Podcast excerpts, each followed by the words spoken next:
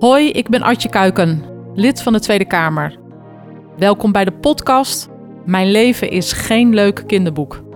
Hierin praat ik met Daan, 21 jaar en lid van de Jongerenraad van het Vergeten Kind.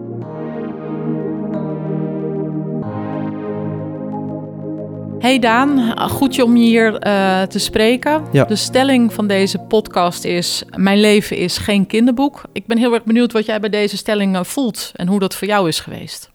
Nou, ik denk dat dat wel op mij van toepassing is. Ik denk dat als je van mijn leven een uh, kinderboek zou maken, het niet iets is wat je gezellig voorleest aan je vierjarige zoon voor het slaap gaan. Kun je wat vertellen over wat je hebt meegemaakt? Nou, een hele hoop. Ehm, ik ben uit huis geplaatst op mijn zestiende. Um, en daarvoor, um, nee, dat was natuurlijk niet vanwege mijn zweetvoeten.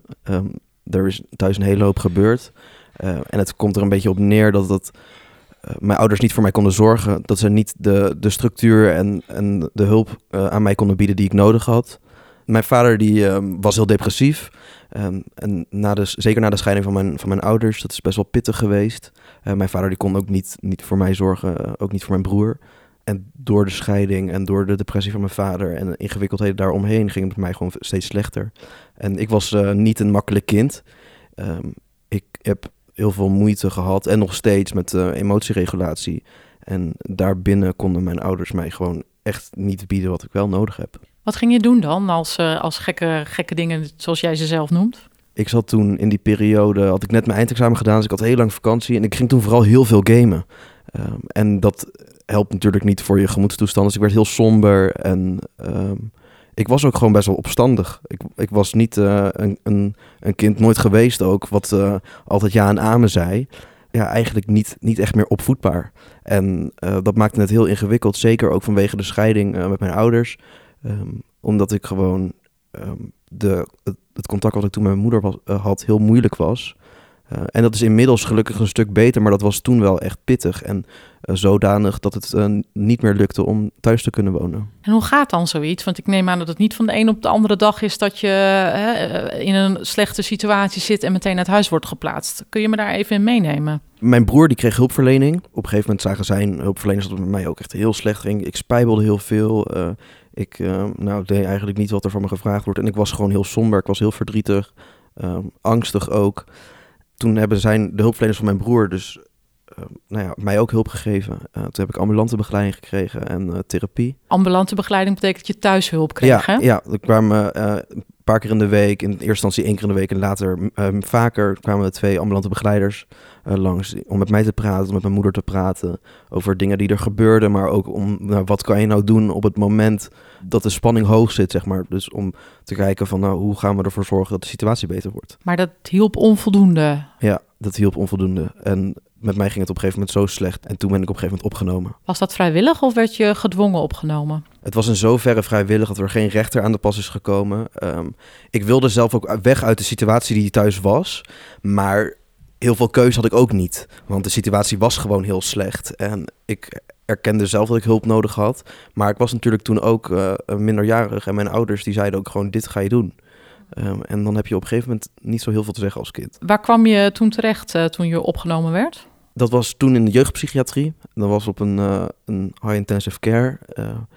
met gewoon 24-7 zorg. En toen is er gekeken naar diagnostiek van wat speelt er nou eigenlijk en, en wat voor hulp had ik, heb ik nodig. Daar heb ik een week of vier gezeten en toen uh, ben ik terechtgekomen in uh, de carousel.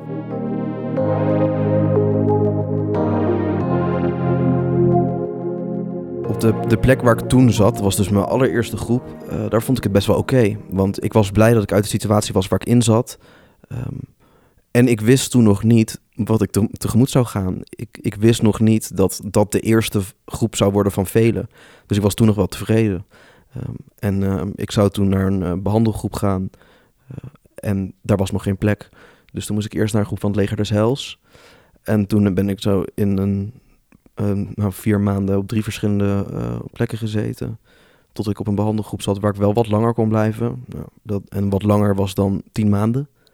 En vervolgens naar uh, de volgende behandelgroep, naar kamertraining, naar een, een gezinshuis, naar verschillende klinieken. En zo uh, op al die plekken in totaal, nou zit ik bijna op 200 hulpverleners. Je vertelt, ik begon uh, redelijk op zich wel opgelucht omdat er, omdat er hulp geboden werd. Maar wat doet het met je op het moment dat je al naar de tweede plek gaat en de derde plek in, in, in vier maanden tijd, in zo'n korte tijd? Ik ging me steeds meer een beetje afsluiten. Maar ik was vooral ook heel bang. Ik was heel erg um, bang omdat ik steeds niet wist wat ik kon verwachten. Dat er gewoon in, zeker in die periodes dagen zijn geweest waarvan ik niet wist waar ik uh, de nacht daarop sliep. En dat is gewoon wel heel erg naar. Omdat je dus nooit zeker bent van, van in welk bed slaap ik vanavond.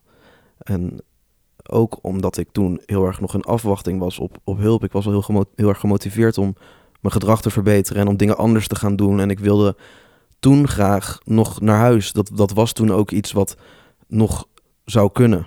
Uh, met hard werken, uh, door mijn gedrag te verbeteren, maar ook door gesprekken aan te gaan met mijn ouders, uh, door te kijken wat ik nodig had, wat mijn ouders nodig hadden. Um, dus het vooruitzicht was toen nog een stuk beter ook. En hoe ga je dan om met die, met die angst, die, dat niet weten wat de volgende dag of de volgende nacht gaat brengen? Op mijn uh, tweede groep bij het Leger des Heils, toen ben ik gewoon uh, de eerste weken niet, naar, niet van mijn kamer afgekomen. Want ik durfde niet naar beneden toe, omdat ik niet wist um, wat ik kon verwachten als ik, een als ik mijn boterham ging smeren. Want dan ging ik naar beneden toe en wie had er dan dienst en waar staan dan de messen en waar kan ik een bord vinden en waar kan ik brood pakken en wat nou als ik iets fout doe en ik op, op een flikker krijg. Dus er zijn dan zoveel um, keuzes in een onbekende situatie die ik niet durfde te maken. Met jongeren ook natuurlijk op die groep die ik niet kende. Um, en dat was ook in een stad die ik niet kende was uh, eh, 50 kilometer uit de buurt en ik had daar geen vrienden, ik had daar geen netwerk. Uh, ik kende de omgeving helemaal niet. Dus alles was nieuw.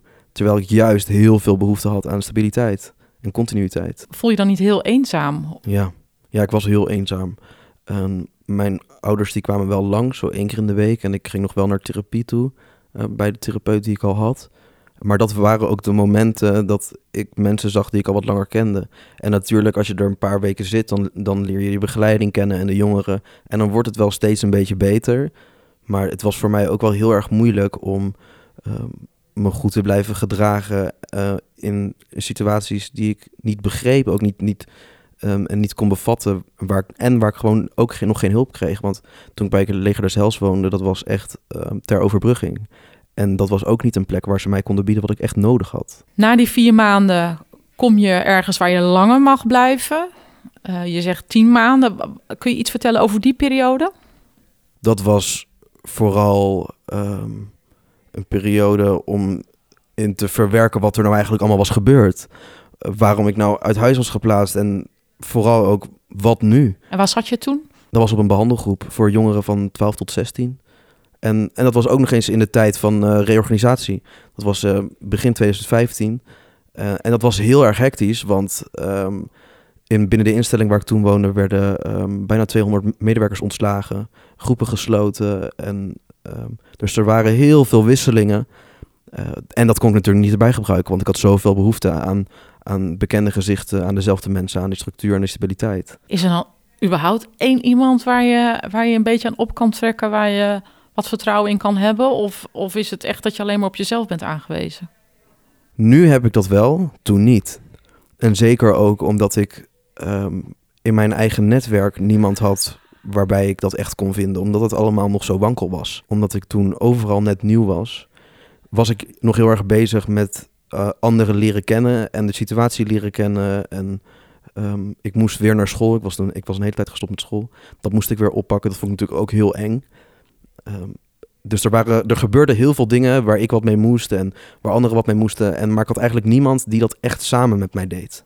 Hoe doe je dat dan? Want je vertelt het nu vrij als zijnde bijna gaat het over iemand anders dan jezelf. Dus ik, ik vraag me echt hoe je, dat, hoe, je daar, uh, hoe je dat gewoon doorheen gekomen bent. Ingewikkeld, was heel moeilijk. Um, ik had heel veel gedoe, heel veel uh, ruzie. En ik was echt een, een, een kind wat heel angstig was en heel verdrietig, maar dat niet kon laten zien. Ik ging niet, niet zomaar doen wat er van me gevraagd werd. En niet omdat ik dat niet wilde, maar ook omdat ik nog moest leren um, om autoriteit te accepteren. Omdat die structuur en dat soort dingen iets wat ik thuis niet had. Um, wat ik moest leren aanvaarden, dat het daar wel was, dat het iets is. Weet je, mensen moeten nou eenmaal accepteren dat er ook mensen zijn die af en toe wat voor je bepalen. Eh, en als je kind bent, zijn er wat meer mensen. En op een gegeven moment word je volwassen en wordt dat minder. Ehm, maar toen ehm, was dat nog wel een, een enorm proces. En dat terwijl ik gewoon met heel veel dingen ehm, worstelde.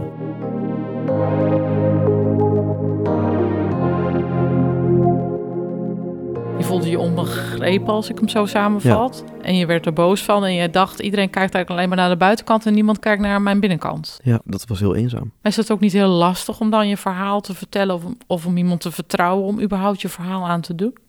Het vertrouwen vond ik niet zo ingewikkeld, want ik kon er altijd wel van uitgaan, of in ieder geval het gevoel had ik dat als ik iets vertelde, dat daar niks raars mee gedaan werd.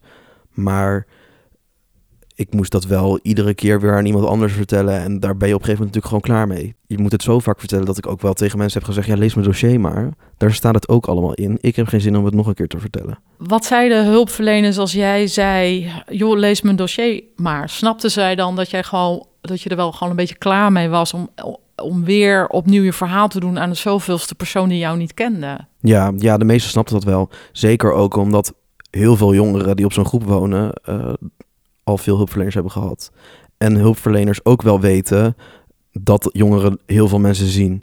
En ook echt wel snappen dat als je iets uh, tien keer moet vertellen, dat het op een gegeven moment een beetje uh, saai wordt. En dat, dat je ziet, dan ben je een script aan het voorlezen. Je bent niet meer je verhaal aan het vertellen. En het wordt zo ja, onpersoonlijk. Het is meer. Ehm, je doet een trucje wellicht. Ja, en de emotie gaat eraf. En dan heb je op een gegeven Je hebt ook niet echt meer gesprek. Je bent gewoon wat aan, aan het vertellen. Um, wat, een, wat een riedeltje wordt. In plaats van dat je echt aan iemand vertelt. wat je meemaakt en wat dat met je doet. En ik denk ook dat als je dat iedere keer op die manier moet doen, dat is natuurlijk zwaar en heel vermoeiend. Ging het goed in de tussentijd op school? Toen je uh, in die dagbehandeling zat uh, van die tien maanden? Uh, toen ik op die behandelgroep zat, toen ging het eerst een hele tijd niet goed. ben ik bijna niet naar school gegaan. Ben ik op een gegeven moment een nieuwe opleiding gestart. toen ging ik pedagogisch medewerker jeugdzorg doen. En toen trof ik een hele uh, goede SLB'er. Wat is een SLB'er? Studieloopbaanbegeleider. Dat is een beetje wat ze op de middelbare school een mentor noemen, zeg maar. Um, daar had ik echt een, echt een klik mee. Daar kon ik um, alles aan vertellen. En die nam ook echt de tijd voor me. Er waren gewoon momenten dat het echt niet goed met me ging. En dat ze echt wel um, de tijd om met me te praten. en ook te kijken met me van wat heb ik nodig om de dag door te komen. ik heb haar niet als SLB'er gehouden. toen ik uh, naar de uh, klasse daarna ging. Uh, en toen heb ik op, een gegeven moment heb ik moeten stoppen met school. Omdat mijn belastbaarheid niet hoog genoeg was. En omdat de opleiding zei, jij kan niet voldoen aan de eisen die we stellen aan een student. Omdat ik um, met mezelf in de knoop zat en theoretisch het allemaal heel goed kon. En ook uh, op mijn stage met de kinderen echt goed overweg kon, maar het gewoon in uren te veel was. Wel heel verdrietig als je iets gevonden hebt waar je passie hebt en je moet om die reden dan weer afhaken. Ik baal daar nog steeds heel erg van. Zeker ook omdat ik wel merk dat door de dingen die ik heb meegemaakt en, en dat ik daar nog zoveel last van heb, dat ik nu niet kan functioneren als een gewone 21-jarige.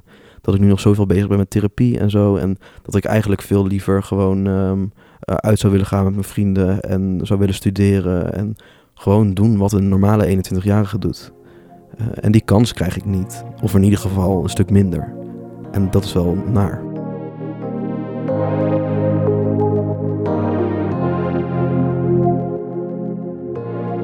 En waar heb je nou het meest fijn gevoeld en wat vond je het meest erg? Het meest fijn vond ik het denk ik op mijn vijfde groep.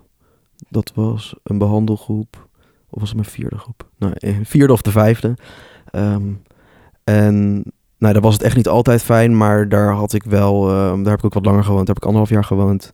Daar had ik op een gegeven moment wel mijn plekje en uh, wat meer stabiliteit. En wel fijne jongeren waarmee ik samenwoonde. En ook wel een team wat het echt niet allemaal, altijd allemaal goed deed, maar wel heel erg bereid was om te luisteren en te kijken van oké, wat kunnen wij als team nou doen om ervoor te zorgen dat bijvoorbeeld jongeren langer kunnen wonen uh, op een groep. Uh, omdat toen ik daar was, in principe het idee was dat ik daar negen maanden zou wonen en uiteindelijk anderhalf jaar heb gezeten. Uh, en nou ja, er zijn ook hulpverleners die heel erg werken volgens het boekje en daar deden ze echt wel hun best om te kijken van oké, maar het is wel heel leuk dat de protocollen dit zeggen, maar wat helpt Daan? Juist omdat zij zagen dat het zo belangrijk was dat je een stabiele en een vertrouwde omgeving voor een Ja. langere tijd had. En dat brengt, breekt volgens mij heel veel kinderen op in de jeugdzorg. Dat Ja. je voortdurend dat verhuizen. Ja. Wat in voor normaal, hè, voor de zaak is normale kinderen die niet in de jeugdzorg zitten al vrij heftig is. Ja. Dat je van de ene naar de andere plek moet verhuizen. Maar dat is iets wat, wat eh, ja, kinderen in de jeugdzorg eigenlijk voortdurend doen. Nou ja, en het ingewikkelde wat er ook bij komt kijken, is dat op iedere plek natuurlijk weer andere hulpverleners zijn. En dat voordat je uit huis geplaatst wordt en ehm, een hele hoop mensen ziet, ehm, maar ook bij therapieën en zo. En ehm, dat ik nu als ik ergens aan begin aan een therapie of, of wat dan ook, wel weet van ja, deze mensen zijn allemaal tijdelijk. Terwijl ze wel heel belangrijk zijn. En ik ook wel groepsleiding heb gezien als vervangend ouders. Want dat zijn de mensen die, eh, waarmee je een kopje thee drinkt als je thuis komt van school. En hoe is dat dan als je daar dan weer voortdurend afscheid van moet nemen? heel heftig. Ik heb dat heel naar gevonden. Eh, en nog steeds, want ik, ik ben gewoon nog niet klaar. Ik woon nog steeds in de zorg. Ehm, en op een gegeven moment toen ben ik mezelf er wel voor gaan beschermen. Dat ik echt zoiets had van, ja, ik ga echt niet meer met iedereen een band aan. Want dat doet me veel te veel pijn als ik weer afscheid moet nemen. Terwijl je er eigenlijk wel heel goed in bent om gewoon vrienden te maken. Ja, ik ben heel sociaal. Maar ik, ik heb er op een gegeven moment wel voor gekozen van, ja, ik ga echt niet meer alles aan iedereen vertellen. Want iedereen laat me toch weer in de steek. Dat is een beetje wat ik heb geleerd, zeg maar. Eh, niemand die blijft, iedereen gaat weer weg. Dus waarom zou ik een band aangaan? En mijn vroegtijdige hechting is goed gegaan. eh, maar inmiddels heb ik best wel hechtingsproblemen. En ehm, weet ik niet meer zo goed hoe ik dat moet aanpakken, hoe ik dat moet doen. Hoe ik een gezonde relatie moet onderhouden. Omdat ik gewoon zo'n enorme angst heb om verlaten te worden. Maar ook eh, om te binden, want mensen die gaan weer weg. Raakt dat je dus ook in gewoon een normale vriendschappen of, Ja. of in, in een misschien in een romantische relatie? Nou, daar ben ik nog niet eens mee bezig, omdat ik zo druk ben met, nou ja, met mezelf. Maar ook in vriendschappen merk ik het, ja, dat ik, ik vind het heel moeilijk om vriendschappen te onderhouden. Contacten aangaan, dat kan ik heel goed. Maar vervolgens dan ook weer een vriendschap vasthouden, dat is veel ingewikkelder. Ja, dat, dat vind ik gewoon lastig. Dat kost me ehm, wel meer energie dan, dan voor de meeste mensen. Kun je ons nog even meenemen in wat nu je, nou ja, wat is je droom voor het komende jaar en waar zou je over vijf jaar willen zijn?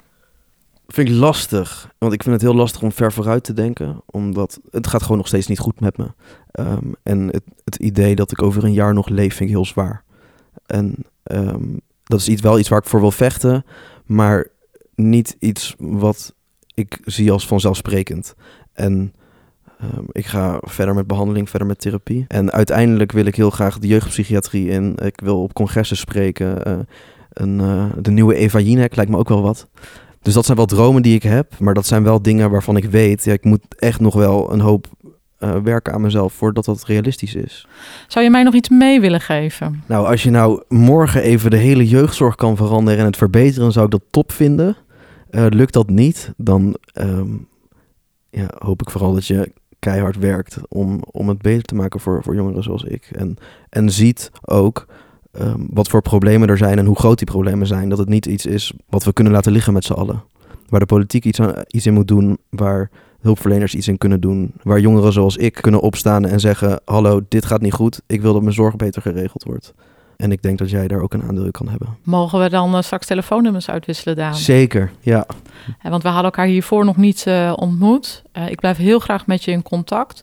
Ik weet zeker dat je het in je hebt om de nieuwe Eva, eh, de nieuwe Daan eh, te worden. Want je stem is er al heel erg geschikt voor. Dus ik wil je ontzettend bedanken voor dit nou ja, eh, open en waardevolle gesprek. We houden contact. Ja, ook bedankt. Bedankt voor het luisteren naar Mijn leven is geen leuk kinderboek. Ben je geraakt door ons gesprek en vind je dat het wisselen van hulpverleners in de jeugdzorg moet stoppen? Ga dan naar hetvergetenkind.nl en teken de petitie. Dankjewel.